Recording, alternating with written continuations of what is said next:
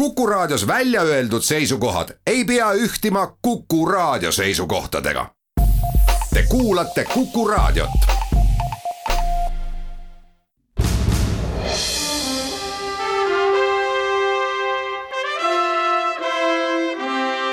vahetund Postimehega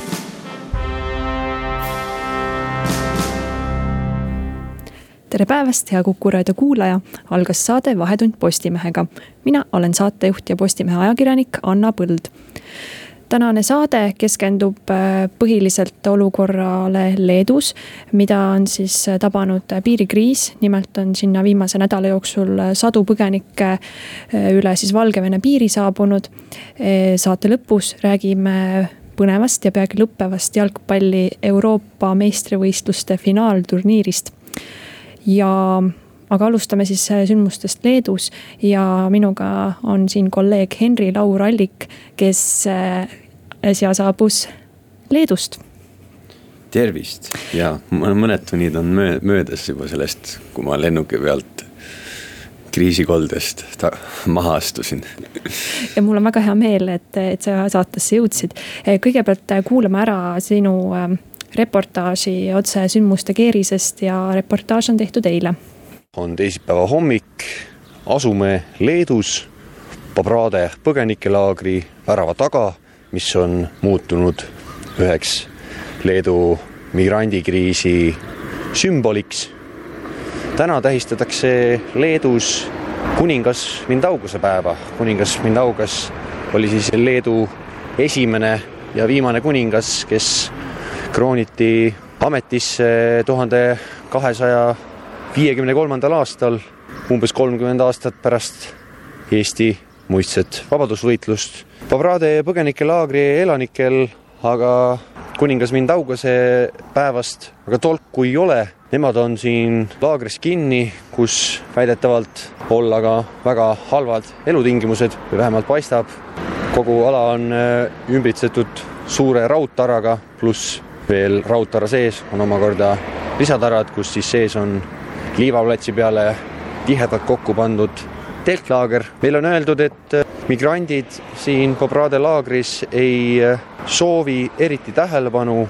seda on nad ka näidanud, kui enne proovisime nendega suhelda. tegemist oli pigem ärritunud inimestega kui suhtlusaltis inimestega Pabrade piirivalveametnike sõnul on äh, ette juhtunud ka agressiivseid juhtumeid, siia on nad sattunud äh, üle Valgevene piiri, kust väidetavalt siis Valgevene võimude suunitlusel on nad siia saanud, pärit peamiselt Iraagist, Afganistanist, Süüriast ja ka Kamerunist, väidavad, et on Valgevenes olnud tudengid, õppemaks on järsku tõusnud ja seetõttu on pidanud ka Euroopa poole suuna võtma, kuigi on teada, et äh, Araabia maadest tšarterlennud Minskisse saabuvad. põgenikel on õigus ka kaheks tunniks asüülitaotlejatena keskusest välja saada, mida paljud kasutavad ära oma tõelise eesmärgi jaoks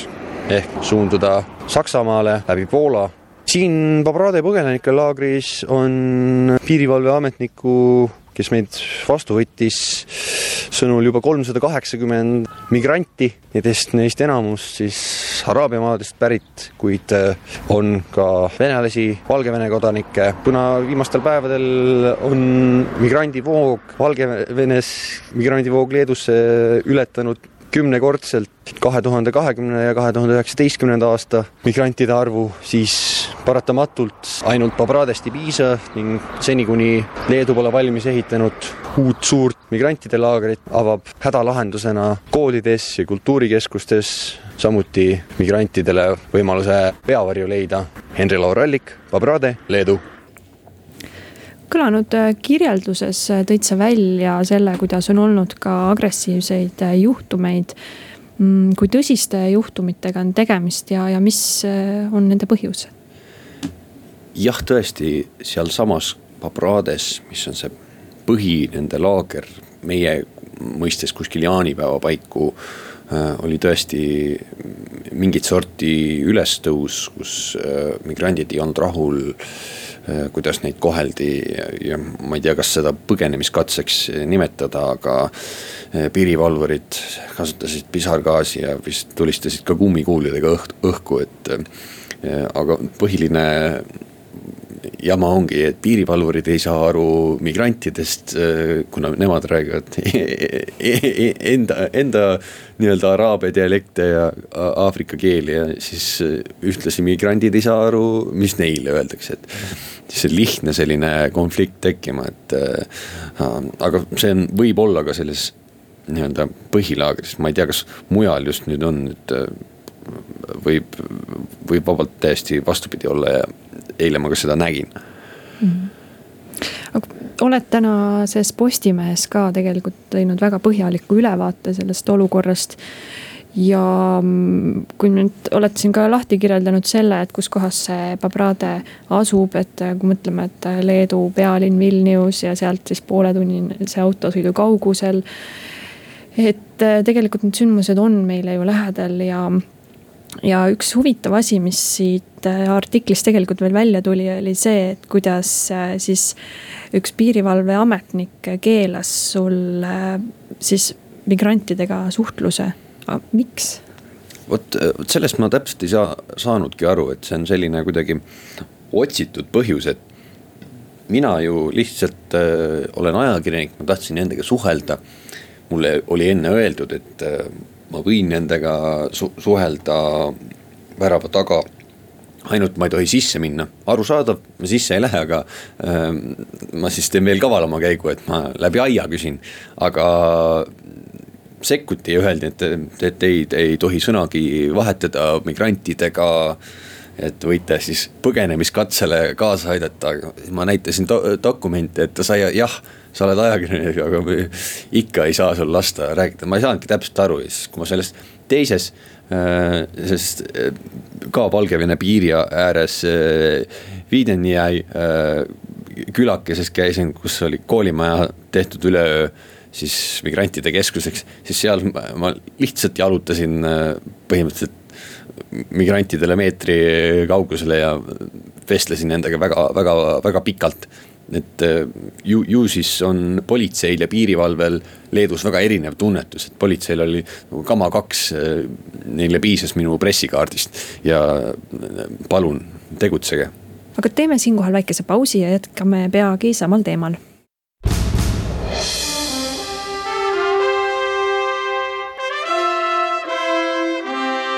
Vahetund Postimehega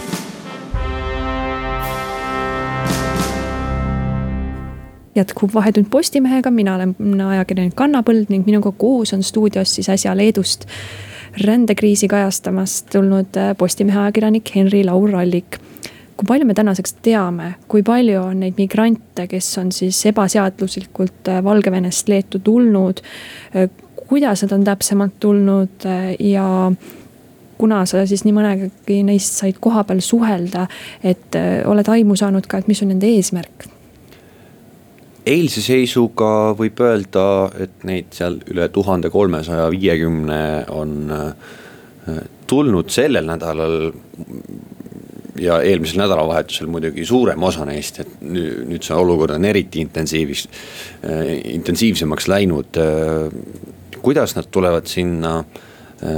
Eks seal ole sellist neli versiooni, millest muidugi kõik ei ei pruugi pädeda, aga esimene, mis on ka nii-öelda eh, Leedu piirivalve sõnul kõige adekvaatsem on see, et tšarterlennud eh, Araabiast, siis me räägime eh, Istanbulist ja Bagdadi, Bagdadist sõidavad otse Minski ja seal nad on siis kas paar päeva, nädala.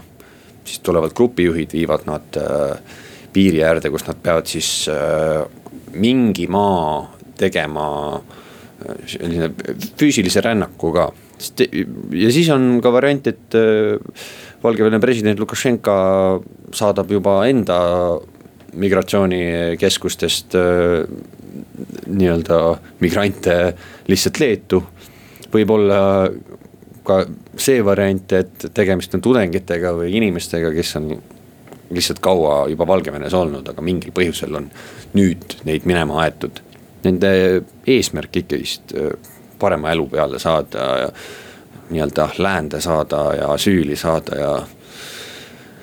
mis see muu saab, mis see muu saab äh, nii-öelda adekvaatne, ratsionaalne põhjus olla, miks seda kadalippu läbi teha.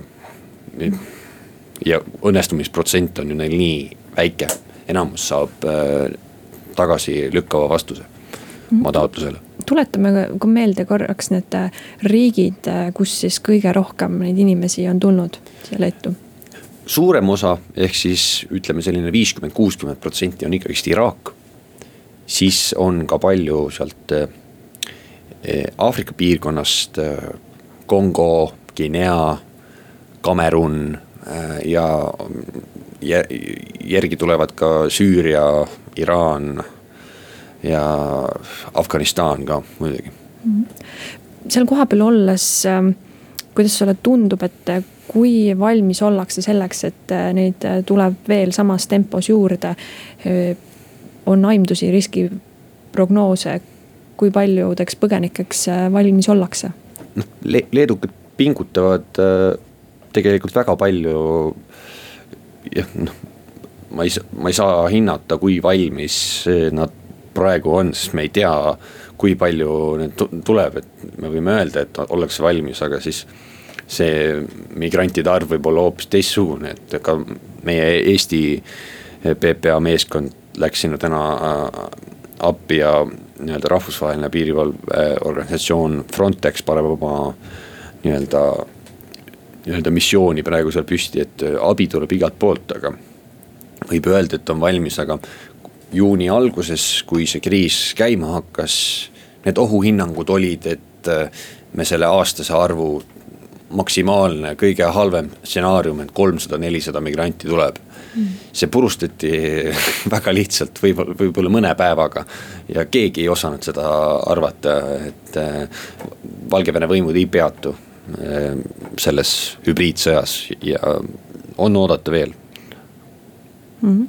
aga kuna me teame, et äh, siis äh, Eestist läks siis Leetu kaheksa politseiüksuse Estpol viis liiget. et kirjutasid ka Postimehes natuke täpsemalt, et mis nad siis seal teevad. et mis on nende peamine ülesanne, lühidalt selgitada? füüsilist tuge äh, pakkuda ja natuke tehnilist äh, drooni nii-öelda valve mõtte, tehnilist nii-öelda know-how'd äh, pakkuda, aga füüsiline see abi on, ma arvan, kõige olulisem, et pakkuda pat-, noh lisapatrulli. ühesõnaga kõik see nii-öelda korra, korra valvamisega seotuid, seotud tegevusi, sest Leedu piirivalve on juba praegu ütleme väga-väga väsinud, et äh, neil on äh, magamata ööd praegu. just nimelt ja, ja ma saan aru tõesti, et siin on äh, tuge tulnud siis nii naabritelt, liitlastelt, et kas seal kohapeal nad on ise ka veel lisaks sellele inim-, inimesi ressursile, keda oodatakse appi, toonud välja, et mis, mis võiks olla veel siis selline lisatugi, lisaabi naabritelt, liitlastelt noh, lisaabi võib äh, muidugi olla nii-öelda selline füüsiline ressurss veel, et äh, neid registreerida, sest neid tuleb palju. kõik selline kriisireservist tuleb äh, kõik see varustus, millega neid majutada. aga lisaabi äh, selles mõttes, äh, miks on kehtestatud välja eriolukord, äh, ongi, et äh, see on selline administratiivne eriolukord, et mingit hädaolukorda riigis ei ole. see on, muudab seadusandlust lihtsalt lihtsamaks, et äh, siis Leedu saaks kaasata kõiki oma omavalitsusi ja nende ressursse omakorda, et äh, migrantidega tegeleda just nimelt, et see eriolukord oligi ja see järgmine märksõna, kuhu ma tahtsin jõuda ka, et kui. aga see on petlik on jah, et, et see on huvitav, et kui, kui eestlasele öelda eriolukord, siis loomulikult meil tuleb äh, kohe meelde see koroonakriisi aegne eriolukord, kus me siis kõik pidime piltlikult öeldes kodus istuma ja, ja olema, aga, aga seal kuidagi, et milline on siis see teistmoodi eriolukord, et kas, kas sellest kuidagi ka tänaval liikudes aru saab? siin tulebki öelda, et äh, siin pole nii-öelda sellistest koroona piirangute laadsetest muut-, muutustest nagu mõtet rääkida, et siin saab ainult rääkida pigem sellest seadusandlikust nagu poolest, et Leedu keskvõim saaks siis paremini lihtsalt omavalitsusi riigi jaoks tööle panna kuidas seal Leedu. nii ma olen sellest aru, aru saanud, aga muidugi seal on mhm. tehnilised nüansid, ma jällegist ei ole Leedu ekspert, ma olen seal eilse päeva veetnud aga kui seal kohapeal ka ringi vaadata, siis Mm, ja suhelda siis inimestega, et kas, kas seal on ka konkreetseid äh, plaane, et mida siis nad nüüd veel edasi teevad, et üks asi on see, et on diplomaatilised suhted, teine asi on see, et nagu reaalselt tegeleda sellega, kuidas ja kuhu siis neid migrante paigutada. et äh, oli seal näha, ma ei tea, ehitustööd, mingisugust lisa, lisaala rakendamist äh, kuidagi, kuidas see kohapeal see tundus ühesõnaga? Võib-olla koha, koha peal mingit ehitust, noh plaan on ehitada üks suur äh, põgenikelaager nagu Babrade sarnane, sest noh, praegu nendest on puudu. aga selliseid nii-öelda ettevalmistusi või tegutsemist Leedu, Leedu saab tegeleda ainult äh, probleemi sümp-, sümptomitega, et probleem ei ole Leedu ja Valgevene vaheline probleem on ikkagist Valgevene ja kogu rahvusvahelise kogukonna vaheline. et eh, kuidas nüüd selle, selle eh, nii-öelda põhjusega tegeleda. ma arvan, et kellelgi ei ole vastust, sest Valgevene on ettearvamatu aga Leedu saabki tegeleda ainult tagajärgedega, mis, ongi migrantide majutamine ja nende asüülitaotluste läbivaatamine ja nende tagasisaatmine. mis on ka praegu võimatu, kuna diplomaatilisi suhteid Leedul selliste Araabia maadega eriti ei ole eriti just Ira-, Iraagi puhul on see, et pool see seltskond on pärit Iraagist, aga absoluutselt mingeid suhteid ei ole, nüüd Leedu mingi delegatsioon vist täna ka sõidab ka täna-homme siis vist Ira Iraaki, et. et tere, me oleme Leedu le, leedulased ja, ja me tahame luua suhteid. hästi kiirelt kuhu kavatsevad siis migrandid edasi liikuda, et kas, kas on see, et pigem jäävad Leetu või lähevad ikkagi kuskile mujale, on plaan? No see ametlik versioon on äh, läbi Poola, Saksamaal, aga ma usun, et äh, iga hea Lääne, Lääne-Euroopa riik äh, sobib, et suures pildis pole vahet, kus sa seda head olu, nii-öelda eluolu saad, aga kindlasti mitte nii-öelda transiidiriigist, et Eestisse nad kindlasti ei taha tulla, et ma arvan, et need on need pigem need suuremad heaoluriigid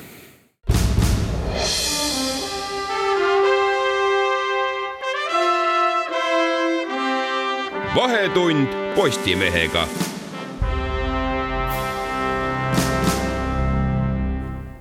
jätkub Vahetund Postimehega, mina olen Anna Põld ja jätkame endiselt äh, Leedu rändekriisi teemadel. ja stuudios on äh, siis äh, kolleegid Postimehest, Karl-Hendrik Karl-Hendrik Pallo Välisuudiste toimetusest ja Meinhard Pulk Eesti uudistetoimetusest. ning eelmisest saate osast on jäänud siia ka eh, siis Henri Laurallik. tere taas. tervist. tere.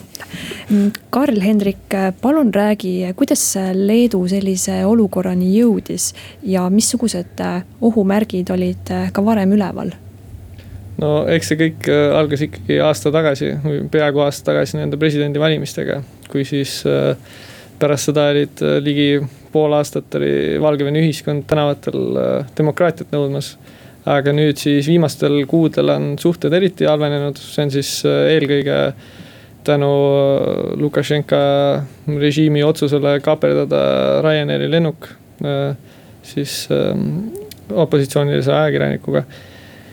ja, ja pärast seda on siis Euroopa Liit üsna ühtselt pinget Lukašenka režiimile nii-öelda juurde kruttinud nii palju, et, et mai lõpus ähm, äh, Lukašenka ütles, et, et nemad on hoidnud äh, Euroopat ja siis ka Leedut, eks ju, nende narkootikumide, migrantide eest, et. et nüüd tegelege ise äh, nende migrantidega ja sööge ise oma narkootikume nii et kui kindlalt me saame siis täna öelda, et tegu on sellise poliitilise rünnakuga Valgevene poolt? no selles mõttes, et praegune konsensuslik otsus või selline teadvustamine on ikkagi, et see on Valgevene poliitilise surve avaldamise mehhanism, et, et nii palju, kui ma olen aru saanud, on nähtud Valgevene ametnikke neid migrante piiri lähedale saatmas ja. ja, ja tegelikult Leedu peaminister käis eelmine nädal ka Eestis, kus ta taas äh, tõi välja selle, et, et, et ainukene ainukene selline turvagarantii Leedule praeguses olukorras on see, et äh, kui Valgevene saavutab demokraatliku siis riigikorra. Siin on huvitav ka see, et äh, Leedu ise seda äh, versiooni, et äh, Valgevene nii-öelda sihikindel poliitiline rünnak ei kinnita, vaid äh, räägib lihtsalt, et uurimine käib ja meie luureteenistus tegeleb sellega. et nad ise, kuigi see on teada-tuntud ja me kõik saame aru, kust see tuleb, siis äh, väga huvitav, et Leedu seda ise ei kinnita tõepoolest ja, ja kuigi äh, siin äh, ühelt poolt on nõudmised, mida, mida Valgevene peaks tegema, on ju. et, et samas äh, on teiselt poolt küsimus, et mida, mida Valgevene tahab saavutada sellise käiguga ja, ja missugune on siin ka Venemaa roll? jah, et Venemaa roll suuresti on ka selles mõttes spekulatiivne, et keegi ei ole otseselt toonud äh, selgeid äh, asitõendeid selle kohta, aga noh, kui vaadata kasvõi sellist üldist käekirja, et Venemaa on kasutanud sedasama võtet juba Soome ja. Soome ja Norraga umbes mingi viis, viis aastat tagasi, et, äh, et siis, kui. kui Soome soovis Ukraina sõja pärast äh, tõmmata kahepoolsetele suhetele natuke pidurit, et siis järsku ilmusid kuskilt tuhat migranti enam-vähem piiri peale ja ja, ja pärast, äh, pärast kohtumist, kus äh, siis Soome president ja äh, ja Vene siis president omavahel kohtusid, et pärast seda siis järsku kadusid need migrandid ära jälle. et, et seal oli selgelt näha, kuidas seda poliitilist survet avaldatakse migrantidega. Mm, ja noh, selles mõttes, et, et nende inimeste poolt vaadates on tegu ikkagi sigadusega, et, et, et et põhimõtteliselt nad jäävad selliste riikidevaheliste kemplemiste ohvriks. et, et seda tasub ka meeles pidada, et muidu kui ainult numbritest rääkida, et siis äh, võib-olla see inimlik pool kaob ära ka. ja nad ei tea, et äh, neid ootab ees äh, põgenikelaager, neile süvendatakse see, et kui nad sealt charteri pealt saabuvad, et hea elu on. tehke lihtsalt see rännak läbi ja te olete Euroopas, palun minge suund sealt.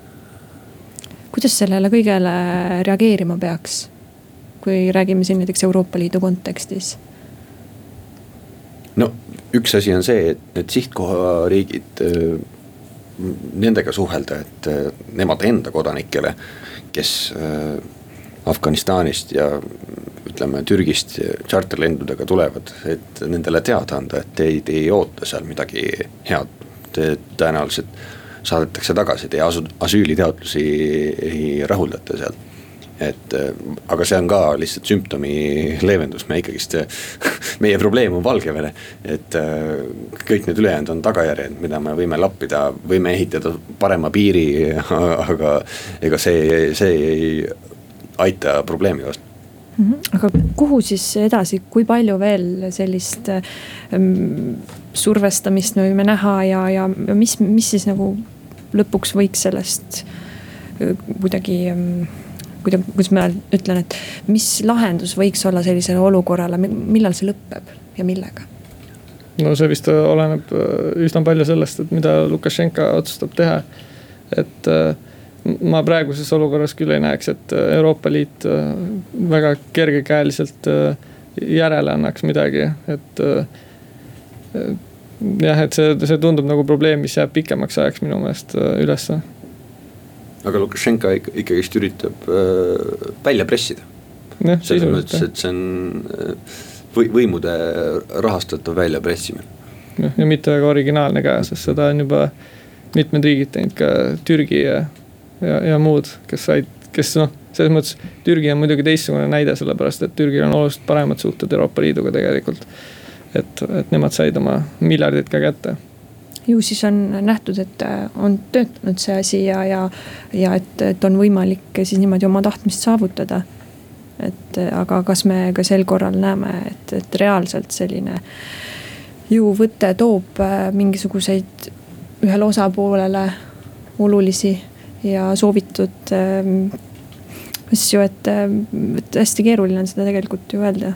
Noh, Leedu üksi siin midagi ei saa teha, et äh, see on ikkagist jälle Euroopa Liidu kui tervikuna või rahvusvahelise kogukonna kui tervikuna probleem kui me toome seda teemat nüüd äh, kodumaale veel lähemale, siis äh, kuidas on Eesti poliitikud reageerinud Leedus toimunule? ma ütleks, et see reaktsioon on olnud äraootav ja võib-olla isegi passiivne, et põhjus on ju selles, et me ju täpselt ei tea, kui akuutne see olukord Eesti seisukohast on, et hetkel politsei ja siseministeerium on öelnud, et rändesurve Eestile on madal. ja no hetkel ongi no mõned üksikud signaalid on tulnud, see Helir-Valdor Seeder Isamaast heitis, et, et Eesti on teinud väga vähe, et Leedut aidata. aga mõni tund hiljem tuli pressiteade, et Eesti saadab politseiüksuse Leetu, nii et ka see murepüstitus langes nii, nii-öelda ära. Aga kas on äh, räägitud ka selles kontekstis, et äh, missuguseid õppetunde kaasa võtta, milleks äh, ka Eestis valmistuda näiteks? no nagu siin juba mainiti, siis kui Leedu ei saa mitte midagi ise teha, siis ka Eesti, ma arvan, laia, laias plaanis vajab Euroopa Liidult tervikuna sihukest ühtset käitumist. ja ma ei tea, kas kokkusattumusena või mitte, aga hetkel Kagu-Eestis toimuvad ju piirikaitseõppused, et ju siis sealt võetakse ka omad õppetunnid. aga oluline on mainida, et Eesti kindlasti ei ole sihtriik.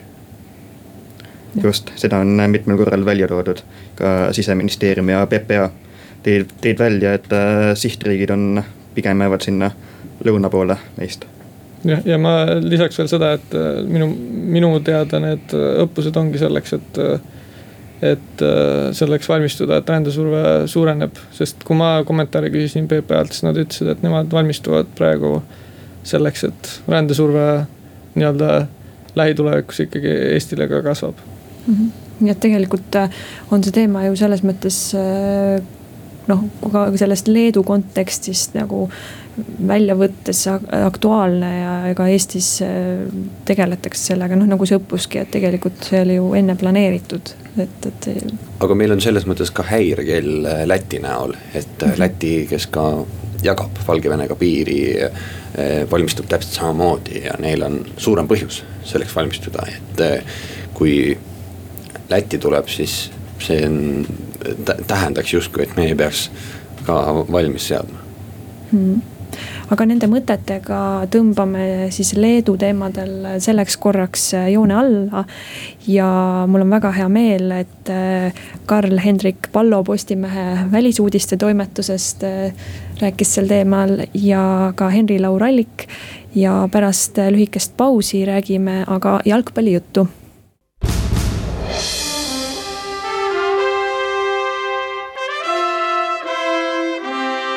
vahetund Postimehega.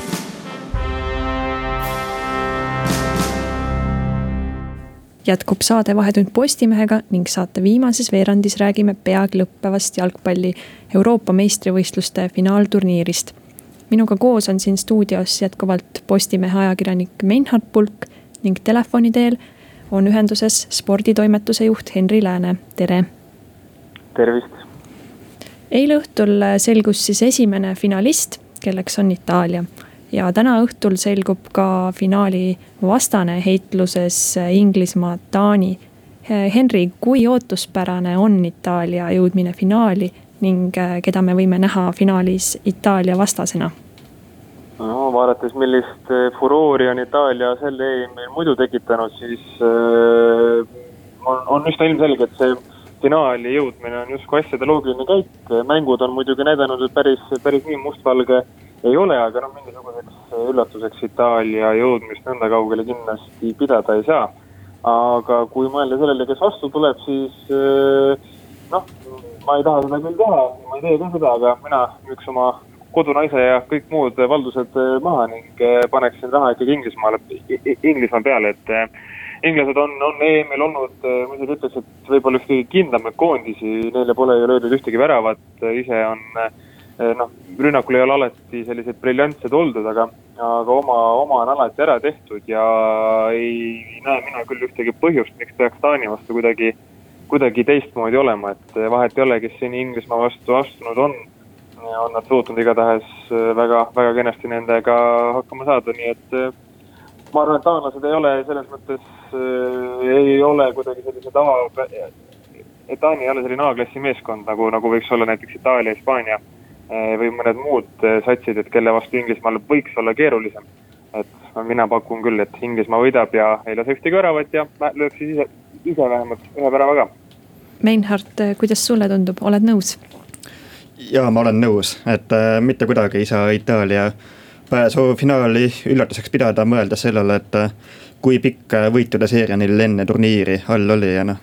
mis seal salata, ma panin ka ise kokkuvõttes ennustuses Itaalia Euroopa meistriks, nii et minu jaoks selles mõttes on igati ootuspärane. ja samas täna, kui tänast poolfinaali eel vaadata nii-öelda, siis Inglismaa on selgelt äh, favoriit. Taani Tšehhi vastu näitas mingeid muremärke, mõeldes sellele, kui tugev tegelikult Tšehhi surve eriti teisel poolel oli, oli, õnnestus vastu pidada, aga ma kahtlen, kui palju neil jaksu Inglismaa vastu on kokkuvõttes. ja kui vaadata ka seda, kuidas Taani on äh, siis kogu selle finaalturniiri äh, vältel mänginud ja, ja kuidas, kuidas nende poolehoidjate arv on, ma võin julgelt öelda, ikka väga oluliselt suurenenud. võrreldes turniiri siis algusega võib-olla, võib-olla näiteks toon isikliku näite, et kui enne ma teadsin, et jah, sümpaatne ja siis kogu selle turniiri jooksul on ikkagi see sümpaatia ikka oluliselt kasvanud. jah, kahtlemata see Kristjan Eriksoni juhtum on see narratiiv, mis saab seda turniiri veel aja, ajalukku saatma. aga ma arvan, et Taani on oma mänguga näidanud seda, et äh, erinevalt mitmest teisest meeskonnast, nemad ei sõltu nii väga ühest oma staarmängijast ehk Eriksenist ja see, mida nad on äh, alagrupis teinud ja peale seda, et see on selge meeskonnavaimu näitamine ja Eriksen oleks noh, võib-olla boonus ja võib-olla ei tea, kas isegi kui kaugele koos Erikseniga oleks jõutud Henri, peagi saab siis läbi kuu aega tõeliselt põnevat turniiri ja ehkki turniir ei ole läbi, siis eh, kas me saame juba praegu välja tuua mõned seigad, mis eh, lähevad ajalukku, mis jäävad iseloomustama just nimelt seda turniiri? no kindlasti kasvõi seesamune Ericssoni juhtum, ma arvan, et siin ei ole vaja aega selle peale kulutada, et mis juhtus, kes juhtus ja miks juhtus. peaksid olema ikka koopa koopas elav inimene, kui, kui ei teaks mitte, mitte mõhkugi sellest, aga üldiselt eh, minu arust EM on olnud eh, tänavu väga-väga lahe.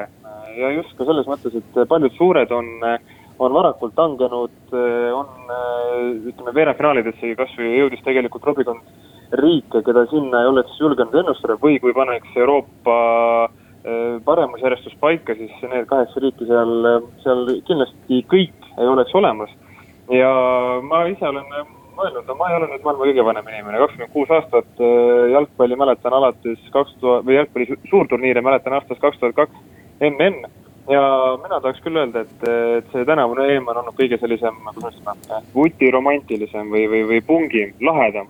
et äh, oleme näinud igasugust, igasugust draamat, vägevaid mänge, aga jääb väga hästi meelde ikkagi see, et sellised riigid nagu, nagu Ukraina, Taani, Tšehhi kes iganes siin veel väiksematest on, on näidanud EM-i jooksul väga südikat esinemist ja, ja eks Taanil on siis, kuidas ütleme, nende väiksemate jõudude taak on kaelas, et või no mitte taak, aga raskus, nende ootus, lootus, et, et Taani suudaks siis midagi, midagi vägevat teha ja, ja võib-olla korrata kahekümne üheksa aasta tagust seika, kui, kui nemad krooniti Euroopa meistriks.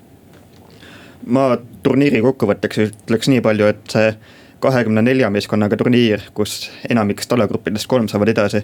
natukene devalveeris seda alagrupi turniiri, aga samas play-off'id, kaheksandikfinaalid, veerandfinaal ja ka eilne poolfinaal on hulganisti kompenseerinud seda, et kasvõi meenutame seda ühte päeva, kus kahel korral tuldi kolm-üks kaotusseisust välja viimase kümne minutiga. et sellised, need mängud jäävad nagu klassikasse ja just nimelt. Ja kui võt-, mõtleme ka selle peale, et kuidas, kui, kui palju on ka nüüd viimastel siis mängudel me läinud, mindud ka lisaajale ja me oleme näinud tegelikult ju põnevaid penaltiseeriaid ja, ja ütleme niimoodi, et ka vaadates eilset Itaalia-Hispaania mängu, siis oli ikka aru saada, et mindi ikkagi noh, täispanga peale ja kõik koha peale tulnud vaatajad said ikkagi äh, täie raha eest seda elamust äh, nautida, et, et, et kuidagi.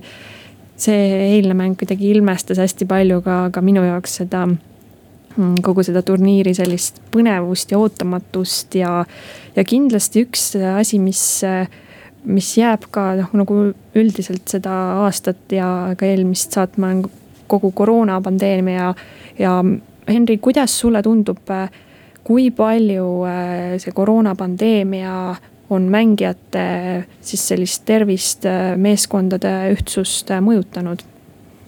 no tervist on kindlasti mõjutanud, jällegist ei mäleta sellist suurt turniiri, kus oleks nii palju olnud väljavahetamisi mingisuguste pisitraumade tõttu, et siin sisuliselt igas mängus vähemalt korra näeme kuidas keegi võetakse selle pärast ära, et no ei, ei, ei saa joosta, lonkab, on kas mingisuguse lihase ära tõmmanud või, või miskit muud on, on kehas järele andnud ja see on eh, kahtlemata selle, selle kor koroonapandeemia üks, ma arvan, kõige nii-öelda paremini nähtavaid järelmõjusid, et kuna see hooaeg päris kokku suruti, EM sinna veel otsa, EM-il eh, ei ole ju ka vähe mänge, eriti kui sa jõuad kaugele et äh, on küll selliseid mängijaid nagu Hispaania koondises Pedri, kes äh, Barcelonaski siin möödunud klubihooajal sai väga palju mänguaega ja nüüd koondises ka. on neid, kes suudavad mängida enam-vähem iga mängu hooaja jooksul üheksakümmend minutit algusest lõpuni. aga no sellised raudmehed, need on ikka vähe, et äh, enamikel üks hetk kuskilt lihtsalt hakkab järele andma ja see on täiesti, täiesti loogiline, kuidas ütleme, seaduspärane ja, ja, ja, ja arusaadav, et, et nõnda juhtub. jah, kui me vaatame, et äh, Itaalia, kes pääses finaali ja Inglismaa, kellel on head võimalused saada finaali, et äh, need on kaks meeskonda, kes on nagu silma, silma paistnud sellega, et on väga laia äh, koosseisu kasutanud, kellel on väga pikk pink ja kui Itaaliat lähemalt vaadata, siis kahekümne kolmest või viiest mängijast kakskümmend neli on vähemalt mõne minuti saanud mängida, et ma arvan, et nii Itaalia kui Inglismaa üks eduvõti on see, on see, et nad peale rasket koroonahooaega ja raskel turniiril on võimalikult laia pika pingiga saanud võimalikult äh, laialt seda koormust jagada mängijate vahel. ja see on mingis mõttes isegi võib-olla nende eduvõti olnud ja üks huvitav asi on ka see, et äh, nägime sel turniiril ikkagi selget äh, surmagruppi. mis, mis tõesti, äh, kus olid siis Portugal, Saksamaa, Ungari, Prantsusmaa ja, ja ega kellelgi seal suurtest jalgpalliriikidest hästi ei läinud, sealhulgas ka tiitlikaitsjal Portugalil, kelle siis soosinguks ka mina tegelikult panustasin alguses. jah, et kõik neli meeskonda pidid alagrupis täie rõuaga äh, pingutama, kõik kolm mängu olid väga rasked ja ma arvan, et äh, no sinna võib seost otsida sellega, miks esimene play-off ring neil kohe aia taha läks, et äh, jälle Itaaliat vaadates. Itaalia sai alagrupis kaks võitu kätte ja kolmandas mängus sai varumehed peale saata ja see aitas mängijaid värskena hoida. ja ka andis nagu pikas plaanis kogu turniiri vaates neile väikese eelise juurde Prantsusmaal, Saksamaal, Portugalil sellist luksust ei olnud, nemad pidid iga mäng äh, endast parima anda, andma, maksimumi andma ja kõik põhimehed pidid noh, kas üheksakümmend minutit väljakul rassi-, väljakul rassima. ja, ja lõpetuseks äh, Henri Rägi, kes on äh, sinu meelest olnud selle turniiri suurimad võitjad ja kaotajad? Vot eh, raske küsimus lõpetuseks, eh, võitjad eh, kindlasti need väiksemad jalgpalliriigid, et Prantsusmaad, Saksamaad ja kõik muud suured riigid on küll vägevad ja võimsad, aga, aga siin Ungari, Šveits ja teisedki on näidanud, et ega nad ei ole nüüd mingisugused alistamatud jõud. kaotajaks natukene tahaks pidada pealtvaatajaid, et pole kahtlustki, kui koroonapandeemiat ei oleks, siis oleksid ju staadionid puupüsti täis ja see atmosfäär, mis oli näiteks Ungaris Budapestis Ungari alagrupi mängudel, no see oli fantastiline, see oli, tõi isegi, see tõi kahe näha juhule, vahet ei ole, et, et olid, olid teleka taga, mitte, mitte kuskil Ungaris koha peal. ja, ja see oli kindlasti asi, mida oleks tahtnud igas mängus näha, aga, aga kuna EM ka nii paljudes erinevates kohtades peeti või noh, peetakse, siis on ka arusaadav, et need reeglid on igal pool, igal pool erinevad aga ootan küll väga juba seda aega, kui, kui saaksime siis veel näha kuutekümmet tuhandet äh, palli üle kehaga karvast meest trummi tagumas ja, ja Ungari karjumas, et see oli, oli igal juhul vägev. Aitäh, selle toreda mõttega tõmbame joone alla ja aitäh äh, Postimehe sporditoimetuse juht Henri Lääne ja Postimehe ajakirjanik Meinhard Pulk suur tänu ka teistele saatekülalistele, Postimehe ajakirjanikele Henri-Laur Allikule ja Karl-Hendrik Pallole. mina olen äh, ajakirjanik Anna Põld ning soovin teile ilusat nädala jätku.